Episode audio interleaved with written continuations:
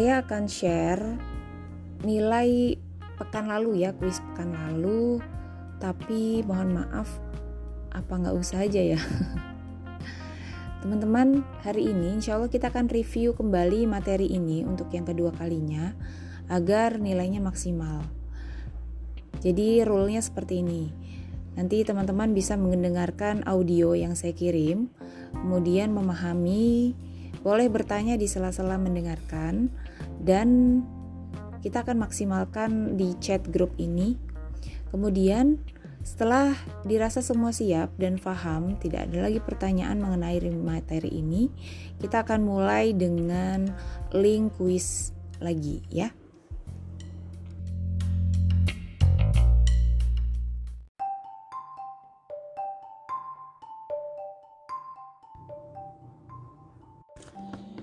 Pengertian iman kepada kitab Allah. Iman kepada kitab Allah berarti percaya dan yakin dengan sepenuh hati bahwa Allah menurunkan kitab-kitabnya kepada para rasulnya untuk dijadikan pedoman hidup manusia agar dapat meraih kebahagiaan di dunia dan di akhirat. Bagaimana ketika kita membayangkan kita memiliki sebuah benda baru yang tidak pernah kita gunakan, yang tidak pernah kita miliki, mungkin kita cuma bisa melihat, dan pada saat kita memiliki benda tersebut, kita tidak memiliki petunjuk apa pun. Hampir semua benda yang diciptakan oleh manusia di dunia ini itu memiliki yang namanya buku petunjuk. Nah, gunanya buku petunjuk itu ya seperti yang kita ketahui bahwa buku itu berisi semua mengenai seluk-beluk benda yang kita miliki, yang akan kita gunakan. Nah, buku petunjuk ini membantu kita memaksimalkan fungsi dari benda yang kita miliki tersebut. Nah, sesuai dengan e, miriplah dengan kita diturunkan oleh Allah ke dunia ini bukan tanpa buku petunjuk, Nah, buku petunjuknya itu adalah kitab. Seperti itu. Nah, pada saat kita turun di dunia ini, diturunkan oleh Allah melalui kedua orang tua kita, kita tidak tahu apa-apa sampai akhirnya kedua orang tua kita lah yang menuntun kita untuk bisa mengenal dunia ini. Nah, seperti itu pula yang terjadi oleh eh, kepada orang tua kita, ya kan? Nah, pada saat kita datang di dunia ini, kita tidak pernah mengetahui apa itu keberadaan kita uh, di dunia ini untuk apa. Kemudian Allah itu siapa, keberadaannya, keesaannya, dan keagungan Allah itu seperti apa. Nah, akhirnya ketika orang-orang tidak mengetahui, mereka akan melakukan hal-hal yang berpotensi besar menuju kesesatan dan tindakan-tindakan yang ya sesuai naluri manusia saja seperti itu. Jadi menurut menuruti apa yang e, nalurinya arahkan. Nah, seperti itu. Maka manusia itu butuh yang namanya kitab. Tanpa kitab dari Allah sudah pasti akan membuat umat manusia itu berada dalam kegelapan. Seperti itu. Ya, seperti kita memasuki sebuah ruangan yang tidak pernah kita masuki. Kemudian pada saat kita membuka pintu ruangan tersebut ruangan itu gelap. Tidak ada lampu. Kita tidak tahu apa ada apa di dalamnya. Di mana tempat duduk di mana ada meja di mana ada benda berbahaya atau seperti apa. Nah Manusia tanpa kitab itu ibarat orang yang berjalan tanpa mengetahui arah dan tidak punya tujuan. Nah, seperti itu. Ya pastinya akan tersesat gitu ya. E, sesuai dengan dalam firman Allah Subhanahu wa taala dalam surah Al-Maidah ayat 16. Nah, mungkin nanti bisa dibaca e, Quran surah Al-Maidah ayat 16 bahwa disampaikan oleh Allah bahwa kitab itulah Allah menunjuki jalan orang-orang yang mengikuti keridoannya. ke jalan keselamatan. Dengan kitab itulah Allah mengeluarkan orang-orang itu dari gelap gulita kepada cahaya yang terang benderang dengan seizinnya dan menunjuki mereka ke jalan yang lurus.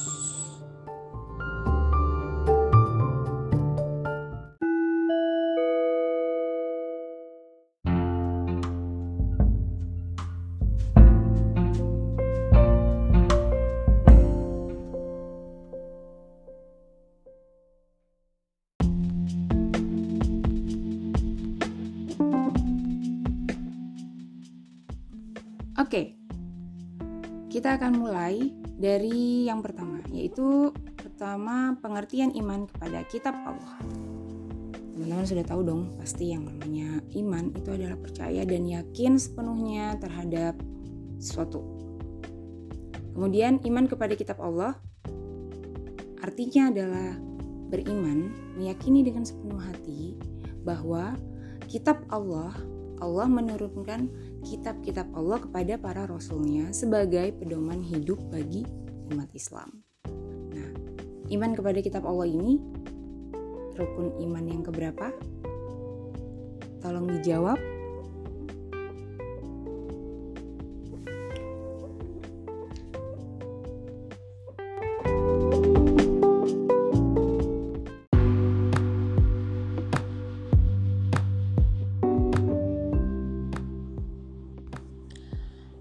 Nama-nama dari kitab Allah tersebut dan rasul penerimanya adalah sebagai berikut. Yang pertama itu ada kitab Taurat diberikan oleh Allah kepada Nabi Musa pada abad 15 sebelum Masehi. Lalu yang kedua ada kitab Zabur diberikan Allah kepada Nabi Daud alaihissalam pada abad 10 pada abad ke-10 sebelum Masehi. Lalu dilanjutkan ada kitab Injil kepada Nabi Isa alaihissalam diturunkan pada masa abad 1 Masehi. Dan yang terakhir adalah Al-Qur'an kepada Nabi Muhammad SAW pada abad 7 Masehi sekitar tahun 611 sampai 632 Masehi. Nah, empat kitab inilah yang diturunkan oleh Allah dan jika ditinjau dari segi masa turunnya. Baik, kita akan masuk dalam pembahasan masing-masing kitab. Let's check it out. Kitab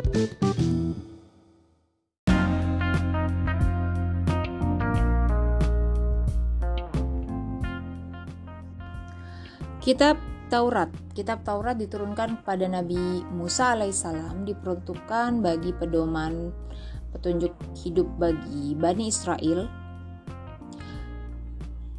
Terdapat dalam firman Allah Subhanahu wa taala dalam Quran surah Al-Mu'minun ayat 49 dan juga ada pula dalam Quran surah Al-Maidah ayat 44. Jadi silakan e, dilihat di Al-Qur'an terjemahnya Nah, kitab Taurat ini diturunkan oleh Allah untuk Bani Israel atau kaum Yahudi agar mereka senantiasa selalu berada dalam jalan kebenaran. Nabi Musa menerima kitab Taurat ini di bukit Sinai atau Tur Sinai ya. Nah, pokok ajarannya itu terkenal dengan yang namanya The Ten Commandments 10 perintah Tuhan. Apa saja perintahnya? Yang pertama, perintah yang mengesahkan Allah. Yang kedua, perintah menghormati kedua orang tua. Tiga, perintah mensucikan hari Sabtu. Empat, larangan menyembah patung atau berhala. Lima, larangan menyebut nama Allah dengan sia-sia. Enam, larangan membunuh manusia. Tujuh, larangan berbuat zina. 8. Larangan mencuri 9. Larangan menjadi saksi palsu dan 10. Larangan mengambil istri orang lain.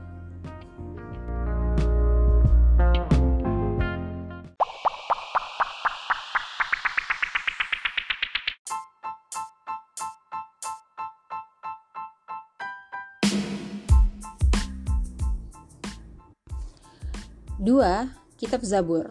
Nah, kitab Zabur ini diturunkan kepada Nabi Daud alaihi salam untuk kaum Yahudi atau Bani Israel. Dalam firman Rasulullah Shallallahu Alaihi Wasallam, Quran Surah Al Isra ayat 55 disampaikan dan juga terdapat pada Quran Surah Al Anbiya ayat 105. E, dalam kedua ayat tersebut disampaikan bahwa Zabur itu diturunkan kepada Daud untuk e, agar jalannya atau dijadikan sebagai pedoman hidup manusia yaitu kaum Yahudi ini. Nah, kitab Zabur ini minim e, syariat karena Nabi Daud diperintahkan untuk mengikuti ajaran agama e, sorry ajaran syariat dari Nabi Musa. Jadi kitab Zabur banyak berisi tentang nasihat, pujian kepada Allah, hikmah, zikir, doa, e, dan seruan Allah supaya kaum Yahudi itu menaati syariat yang telah diajarkan oleh Nabi Musa alaihi salam. Nah, salah satu pesan di dalam kitab Zabur uh, Allah itu berjanji bahwa di dunia ini akan diwarisi oleh orang-orang yang soleh. Uh, sesuai dalam firman Allah dalam surah Al-Anbiya dan sesungguhnya telah kami tulis di dalam Zabur sesudah kami tulis dalam lauh mahfuz bahwa bumi ini dipusakai hamba-hambaku yang soleh. Nah, seperti itu. Lalu kemudian eh, setelah Nabi Musa wafat, sayangnya banyak sekali yang menyelewengkan atau tidak lagi mengikuti ajaran Nabi Musa alaihissalam seperti itu. Jadi eh, setelah sepeninggalan beliau banyak sekali yang diubah oleh bangsa Yahudi pada Taurat yang ada sampai sekarang.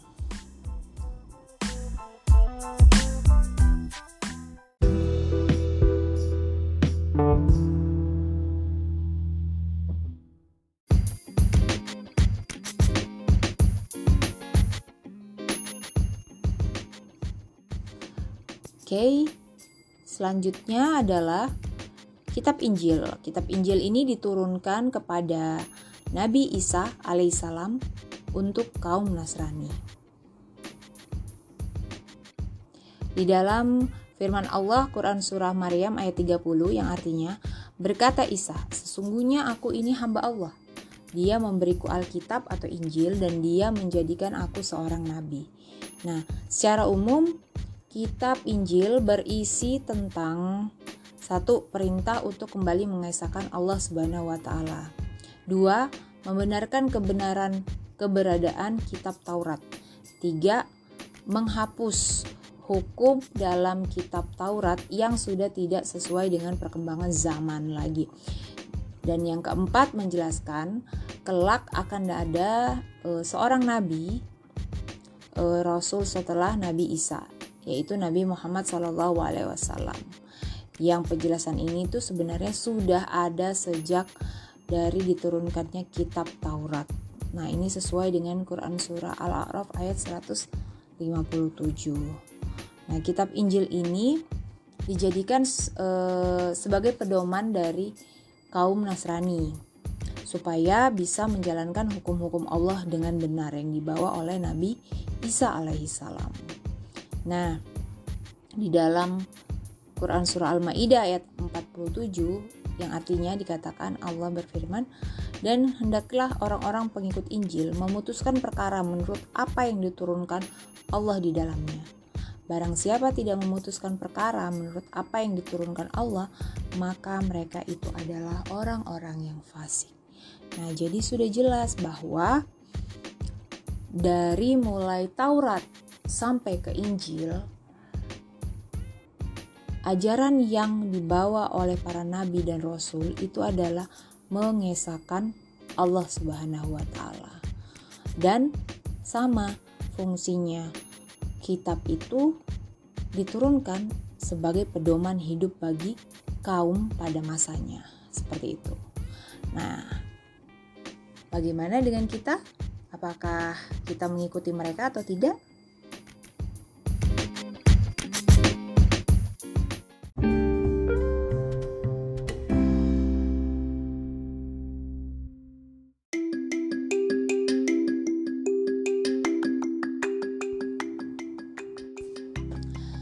Jadi kitab Taurat ini adalah kitab yang diturunkan oleh Allah kepada Nabi Muhammad SAW sebagai nabi yang terakhir dan kitab yang terakhir bagi umat manusia. Nah, kitab suci Al-Qur'an ini diturunkan oleh Allah sebagai penyempurna dari seluruh kitab-kitab yang pernah diturunkan oleh Allah. Kitab Al-Quran diturunkan oleh Allah menjadi pedoman bagi seluruh umat manusia. Way of life, jadi menjadi pedoman hidup bagi seluruh umat manusia. Sesuai dengan firman Allah Subhanahu wa taala pada Quran surah Al-Furqan ayat 1 yang artinya Maha suci Allah yang telah menurunkan Al-Furqan atau Al-Qur'an kepada hambanya agar dia menjadi pemberi peringatan kepada seluruh alam. Nah, itu tadi. Al-Quran diturunkan secara step by step. Selama berapa lama?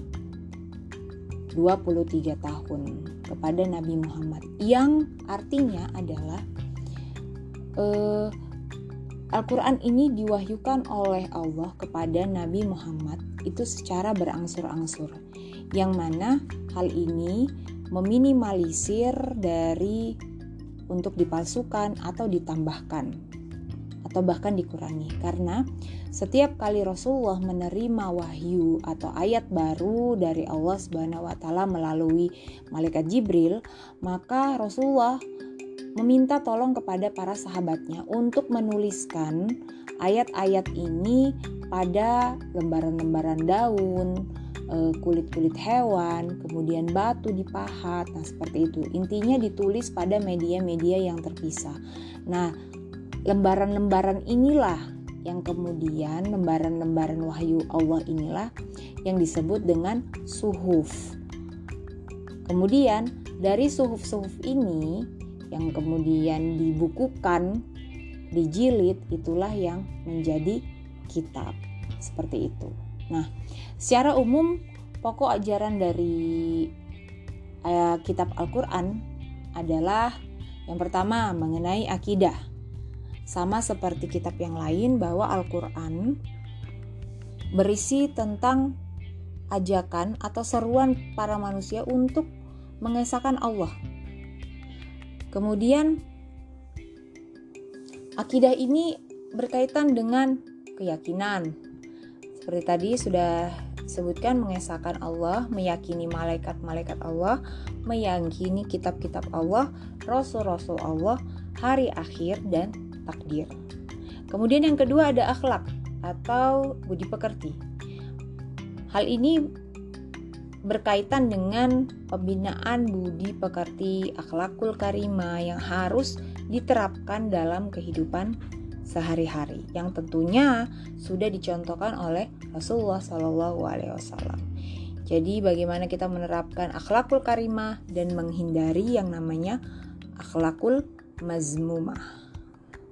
Lalu yang ketiga berkaitan dengan ibadah. Nah, ibadah ini adalah tata cara beribadah yang baik dan benar seperti tata cara sholat, zakat, puasa, haji, kurban, dan ibadah-ibadah lainnya. Yang keempat, mengenai muamalah. Muamalah ini adalah interaksi atau bagaimana hubungan atau tata cara berhubungan dengan manusia satu dengan yang lainnya.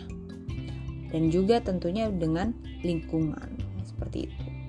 Lalu yang terakhir, aspek yang ada, pokok ajaran yang ada di dalam Al-Quran adalah mengenai tarikh atau sejarah.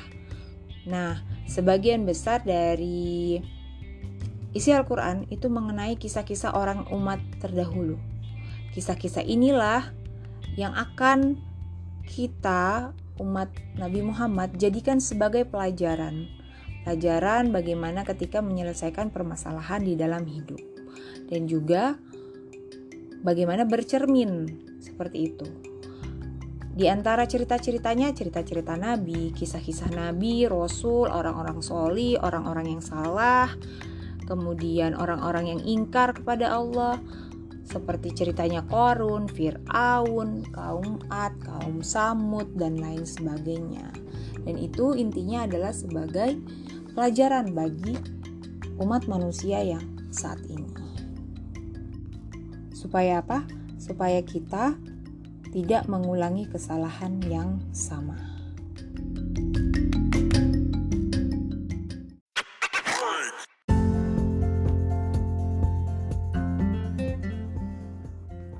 Kitab Al-Quran diturunkan sebagai petunjuk bagi manusia. Kitab yang diturunkan oleh Allah melalui utusannya, yaitu para nabi dan rasul, diberikan kepada manusia dimaksudkan agar dijadikan sebagai petunjuk bagi keberadaan manusia di muka bumi ini. Nah, di dalam surah Az-Zariyat ayat 56 yang artinya, dan aku tidak menciptakan jin dan manusia melainkan supaya mereka menyembahku.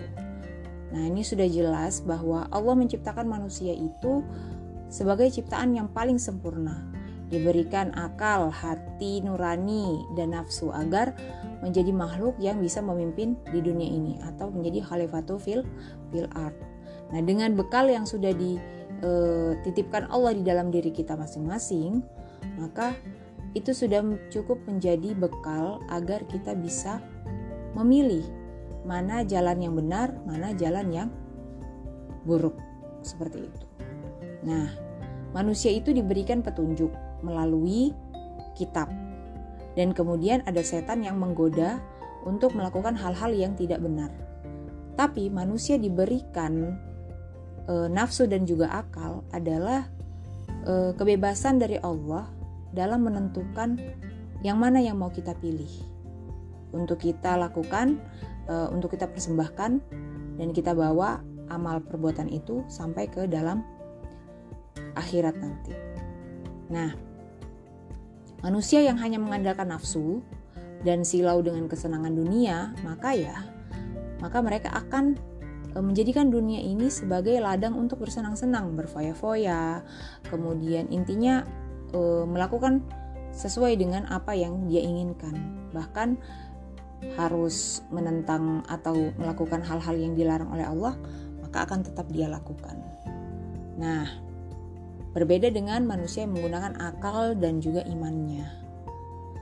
Nah, lalu Allah memberikan pedoman itu berisi hal-hal yang baik yang harus ditinggalkan, rambu-rambu yang e, bisa kita lakukan di dalam kehidupan kita. Manusia mencari kebahagiaan, kesempurnaan kebahagiaan. Nah, jika manusia dekat dengan Al-Quran, maka sebenarnya dia sudah mendekati yang namanya kebahagiaan.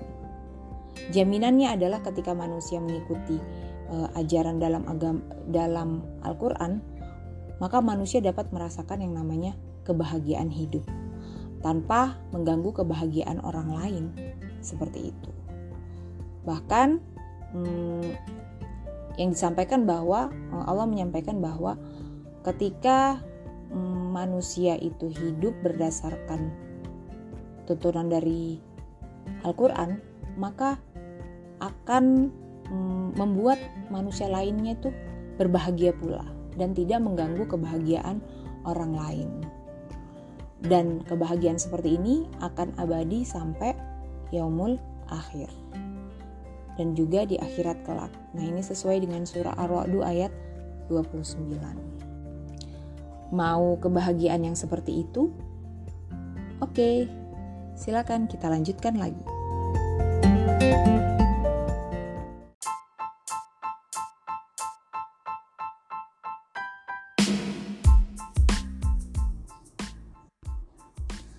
Kita masuk dalam pembahasan Al-Quran sebagai kitab suci umat Islam. Nah, Al-Quran merupakan eh, kitab suci dari Allah Subhanahu wa taala yang terjamin akan kemurniannya. Kenapa? Karena Allah sendiri yang langsung menjaganya. Ini sesuai dengan surah Al-Hijrah Al-Hijr ayat 9 yang artinya sesungguhnya kami telah menurunkan Al-Qur'an dan sesungguhnya kami pula yang memeliharanya. Nah, kami di sini itu adalah Allah.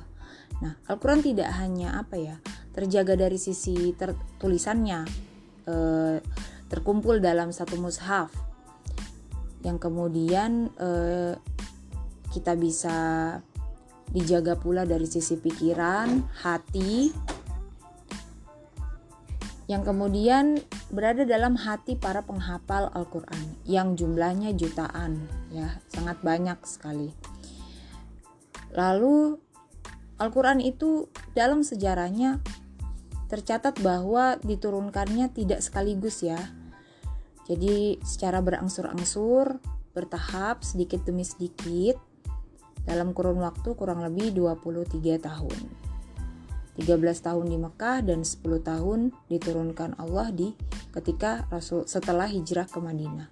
Nah, jumlah dari ayat Al-Qur'an itu uh, sorry, jumlah dari surah dalam Al-Qur'an itu ada 114 surah dengan 86 surah yang termasuk diturunkan sebelum Hijriah ke Madinah dengan sebutan surah Makiyah dan 28 surah setelah hijrah ke Madinah disebut dengan surah Madaniyah. Nah, sebagaimana yang sudah dijelaskan rinci bahwa isi pokok ajaran Al-Quran itu e, berisi pedoman yang sempurna kalau kita mau menjadikannya e, way of life, rule dalam kehidupan kita sehari-hari. Dan Al-Quran ini tidak tertinggal dari sesuai perkembangan zaman. Jadi sesuai e, selalu sesuai dengan perkembangan zaman hingga nanti yaumul akhir.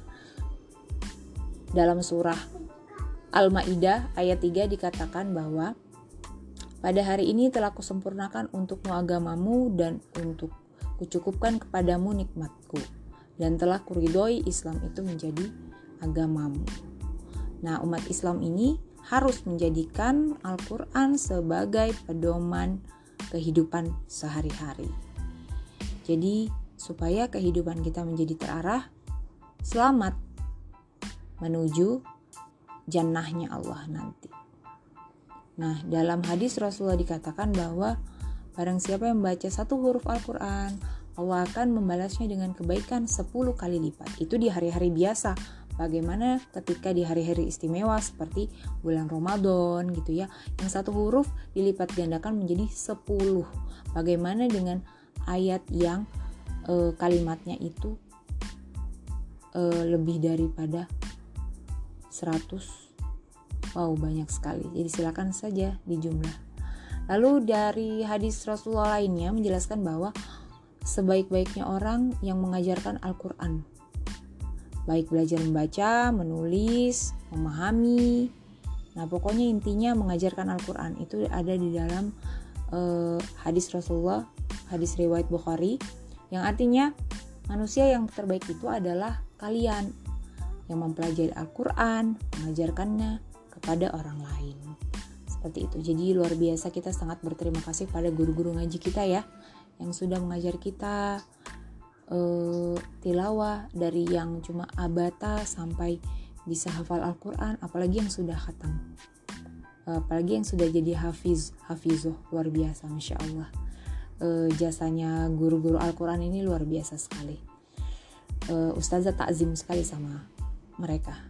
Nah kemudian keutamaan Al-Quran itu terletak ada beberapa hal. Yang pertama isi kandungannya tuh lengkap. Menyangkut semua aspek kehidupan. Apa saja itu ada di dalam Al-Quran. Di dunia dan akhirat. Kemudian yang kedua susunan bahasanya itu indah tidak tertandingi. Dan inilah e, salah satu nilai yang sangat e, mengangkat nama Rasulullah SAW karena pada zamannya tidak ada bahasa sastra yang sangat indah kecuali dari bahasa dari bahasa Al-Quran. Nah, selanjutnya yang ketiga adalah membaca dan mendengarkannya. Itu merupakan ibadah. Jadi nggak ada rasa jemu bagi orang-orang yang uh, bisa membacanya kecuali orang-orang yang berhati uh, apa berhati buram atau tidak jernih itu yang biasanya baru baca Al-Quran sedikit udah capek udah lelah. Itu berarti harus membersihkan hatinya. Karena orang-orang yang berhati bening berhati ikhlas itu ketika membaca Al-Quran itu justru pengen lama-lama gitu nggak mau berhenti. Oke kemudian yang keempat menjadi penawar penyakit terutama penyakit hati. Jadi kalau misalnya pas pertama baca Al-Quran terus kayak capek banget ngantuk dan sebagainya itu paksa aja. Itu harus dibiasakan. Supaya apa supaya itu melatih dan membersihkan ibarat ngepel gitu ya ngepel yang kotorannya udah sangat banyak banget. Itu kan nggak bisa cukup satu kali pelan ya tidak bisa satu kali lap. Jadi harus berkali-kali nanti lama-lama jernih kacanya sudah bisa apa kacanya bening kembali nah itu baru biasanya akan terbiasa Kemudian yang selanjutnya membenarkan kebenaran kitab-kitab Allah sebelumnya yang terdahulu ya dan menyempurnakan hukum-hukumnya. Jadi seperti yang sudah disampaikan di awal bahwa Al-Quran ini adalah penyempurna dari yang dulu tiga Al-Quran uh, sorry tiga kitab sebelumnya dan yang terakhir uh, keutamaan Al-Quran itu sebagai mukjizat Nabi Muhammad yang paling besar.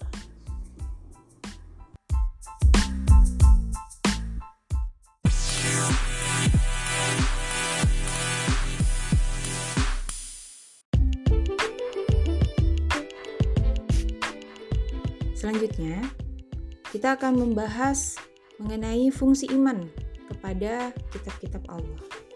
Apa sih fungsinya? Menurut teman-teman gimana? Coba eh, teman-teman pahami yang menurut pendapat teman-teman dan eh, apa yang Ustazah sampaikan. Jadi fungsi beriman kepada kitab Allah itu bisa menguatkan apa ya keimanan dan menyempurnakan sikap dan amal perbuatan kita. Dari mana sih kita tahu bahwa hmm, infak itu baik, kemudian senyum itu baik, kemudian membantu orang lain itu berpahala. Nah, semua aturan itu ada di dalam kitab Allah, terutama kita sebagai umat Nabi Muhammad, yaitu pedomannya kepada kitab Al-Quran. Nah, keyakinan eh, terhadap kitab-kitab itu itu bisa membuat kita menjadi apa ya effort atau menjadi satu dorongan eh, kita keinginan kita untuk mendalami kitab tersebut gitu.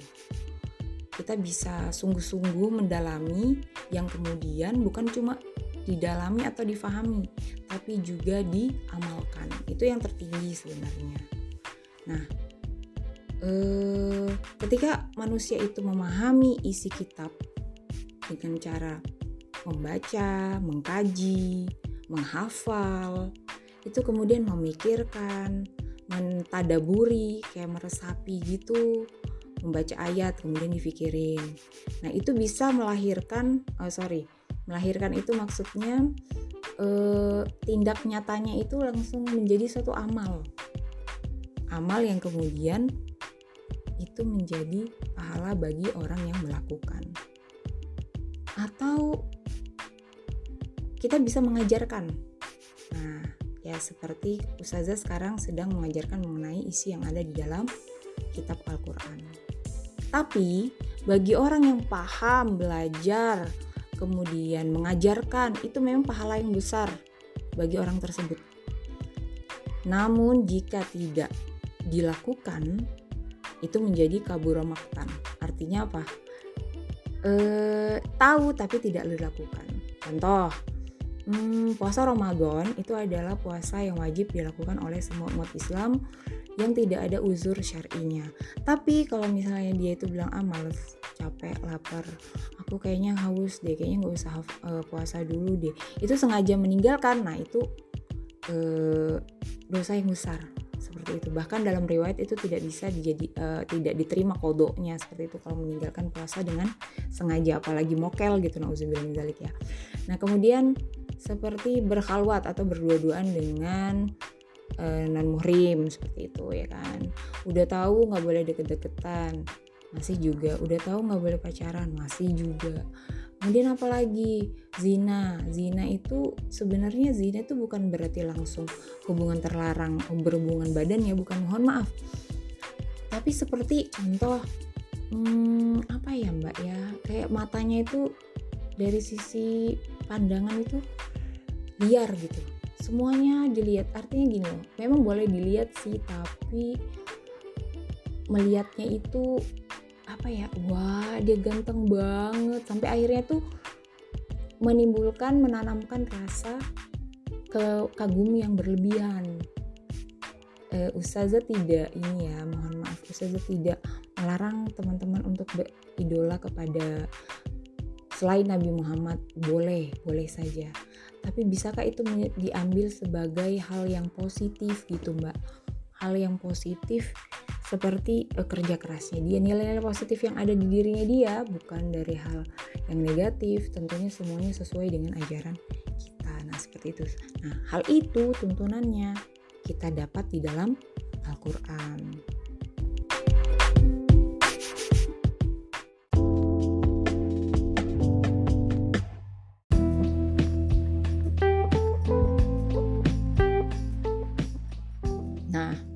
kita sudah sampai ke fungsi iman kepada kitab Allah.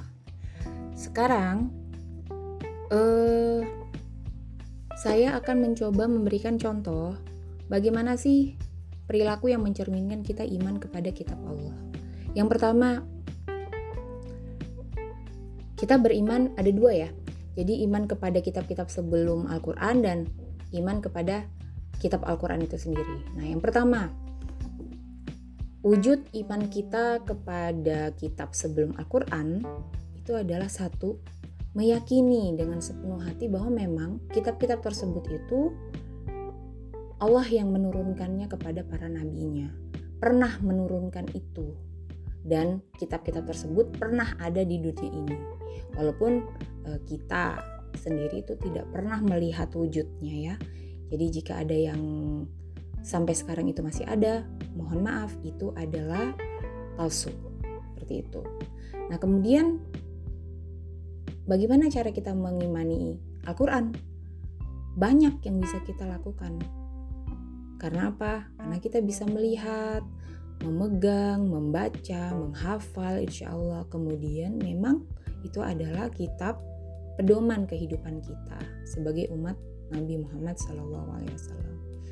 Yang pertama kita bisa ya pertama ini kita belajar baca ya, belajar baca. Ingat nggak bagaimana waktu kita mulai belajar membaca, mengeja huruf hijaiyah? Sulit banget kan? Nah itu perjuangan, insya Allah itu bernilai pahala. Kemudian yang kedua, kalau sudah bisa baca, memahami, memahami isinya. Jangan cuma dibaca tapi nggak tahu isinya, kan itu lucu ya jadinya ya, aneh gitu pasti. Gimana kita mau ngamalkan? Paham isinya aja enggak gitu loh. Padahal dalam Al-Quran itu eh, sangat banyak bahkan semua inspirasi itu ada di dalam Al-Quran.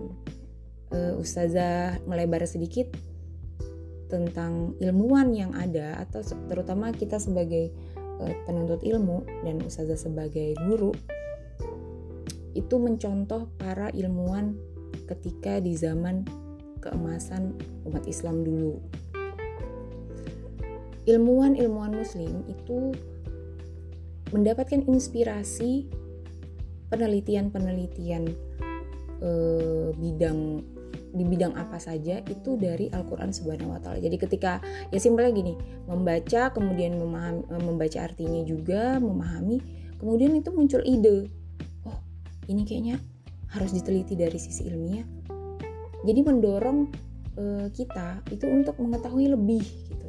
Tapi ya syaratnya itu satu harus baca dua memahami gitu ya. Jadi kalau memang kita yang belum apa yang mendapatkan berasa nggak ada inspirasi dari Al-Quran yaitu karena kita belum melalui step dua step sebelumnya. Itu yang pertama membaca yang kedua memahami. Seperti itu. Oke. Kemudian apalagi e, membaca secara rutin. Membaca secara rutin ini itu bernilai pahala. Dihitungnya per huruf ya, bukan per kata. Dilipat gandakan ketika bulan Ramadan. Selanjutnya apalagi sikap yang lainnya adalah menjadikan itu apa ya mengamalkan kita kita belajar sedikit kemudian mengamalkan lagi ini yang dicontohkan oleh pada sahabat Rasulullah jadi tahu sedikit kemudian diamalkan dulu baru pindah lagi ke materi Al-Quran berikutnya seperti itu nah kira-kira teman-teman ada lagi nggak uh, yang lain sikap-sikap yang lain yang bisa kita tunjukkan untuk mencerminkan kita iman kepada kitab Allah. Silakan share di sini via VM dan chat.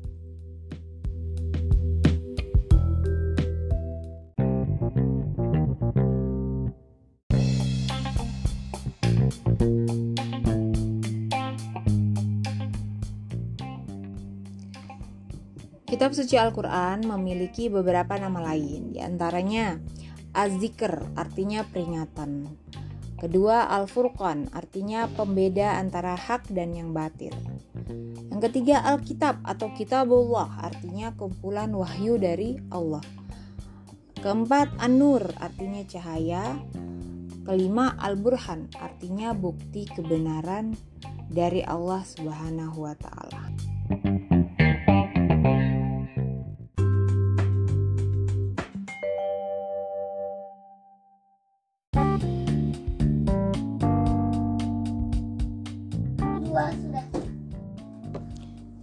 Kita masuk dalam materi selanjutnya yaitu perbedaan kitab dengan suhuf. Seperti yang di awal sudah disampaikan bahwa ketika Rasulullah menerima ayat-ayat Allah sebelum dibukukan menjadi kitab maka ditulis dalam lembaran-lembaran terpisah. Nah, lembaran-lembaran terpisah inilah yang kemudian dikumpulkan dan disatukan kemudian dijilid jadilah kitab seperti itu. Nah, lembaran-lembaran terpisah, tapi masih ada lembaran-lembaran terpisah, inilah yang disebut dengan suhuf. Tapi keduanya, kitab ataupun suhuf itu berisi firman Allah yang diberikan kepada nabi dan rasul. Oke, dalam surah Al-A'la ayat 18 sampai 19 di situ disebutkan yang artinya sesungguhnya ini benar-benar terdapat dalam kitab Allah yang dahulu yaitu kitab Ibrahim dan Musa. Suhufi Ibrahim wa Musa. Nah, secara rinci nabi dan rasul yang menerima suhuf dari Allah itu ada sebagai berikut. Nabi Idris alaihissalam menerima suhuf sebanyak 30 suhuf. Nabi Sis alaihissalam menerima 50 suhuf. Nabi Ibrahim alaihissalam menerima 10 suhuf dan Nabi Musa alaihissalam menerima 10 suhuf. Nah, di antara kitab dan suhuf ini ada persamaannya dan ada perbedaannya. Ada yang diturunkan kepada nabi dan rasul, namun ada beberapa perbedaan antara keduanya ya. Yang pertama, dari sisi perbedaan untuk dari sisi isi kalau kitab itu lebih lengkap, jelas karena dikumpulkan. Kemudian kalau suhuf itu hukum dasar atau pokok-pokoknya saja. Jadi kayak poin-poin poin-poinnya aja gitu ya. Kemudian yang kedua, si segi perbedaannya adalah bentuk. Kalau kitab dibukukan, jelas ya dijilid. Kemudian suhuf itu bentuknya lembaran-lembaran yang terpisah. Yang ketiga, segi perbedaannya itu di sifat berlakunya. Nah, kalau kitab itu lebih lama masa expirednya. Kalau suhuf itu biasanya untuk sesaat, untuk apa ya kayak menjawab persoalan-persoalan yang terjadi pada saat itu aja dan biasanya tidak digunakan lagi e, untuk persoalan lainnya. Seperti itu.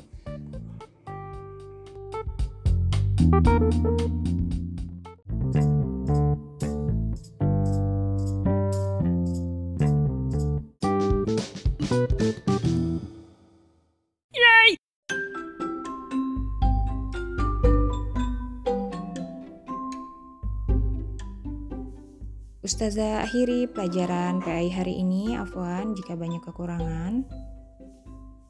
Sama-sama kita tutup pelajaran dengan membaca hamdalah alhamdulillahirrabbilalamin. Uh, Afwan, Assalamualaikum warahmatullahi wabarakatuh.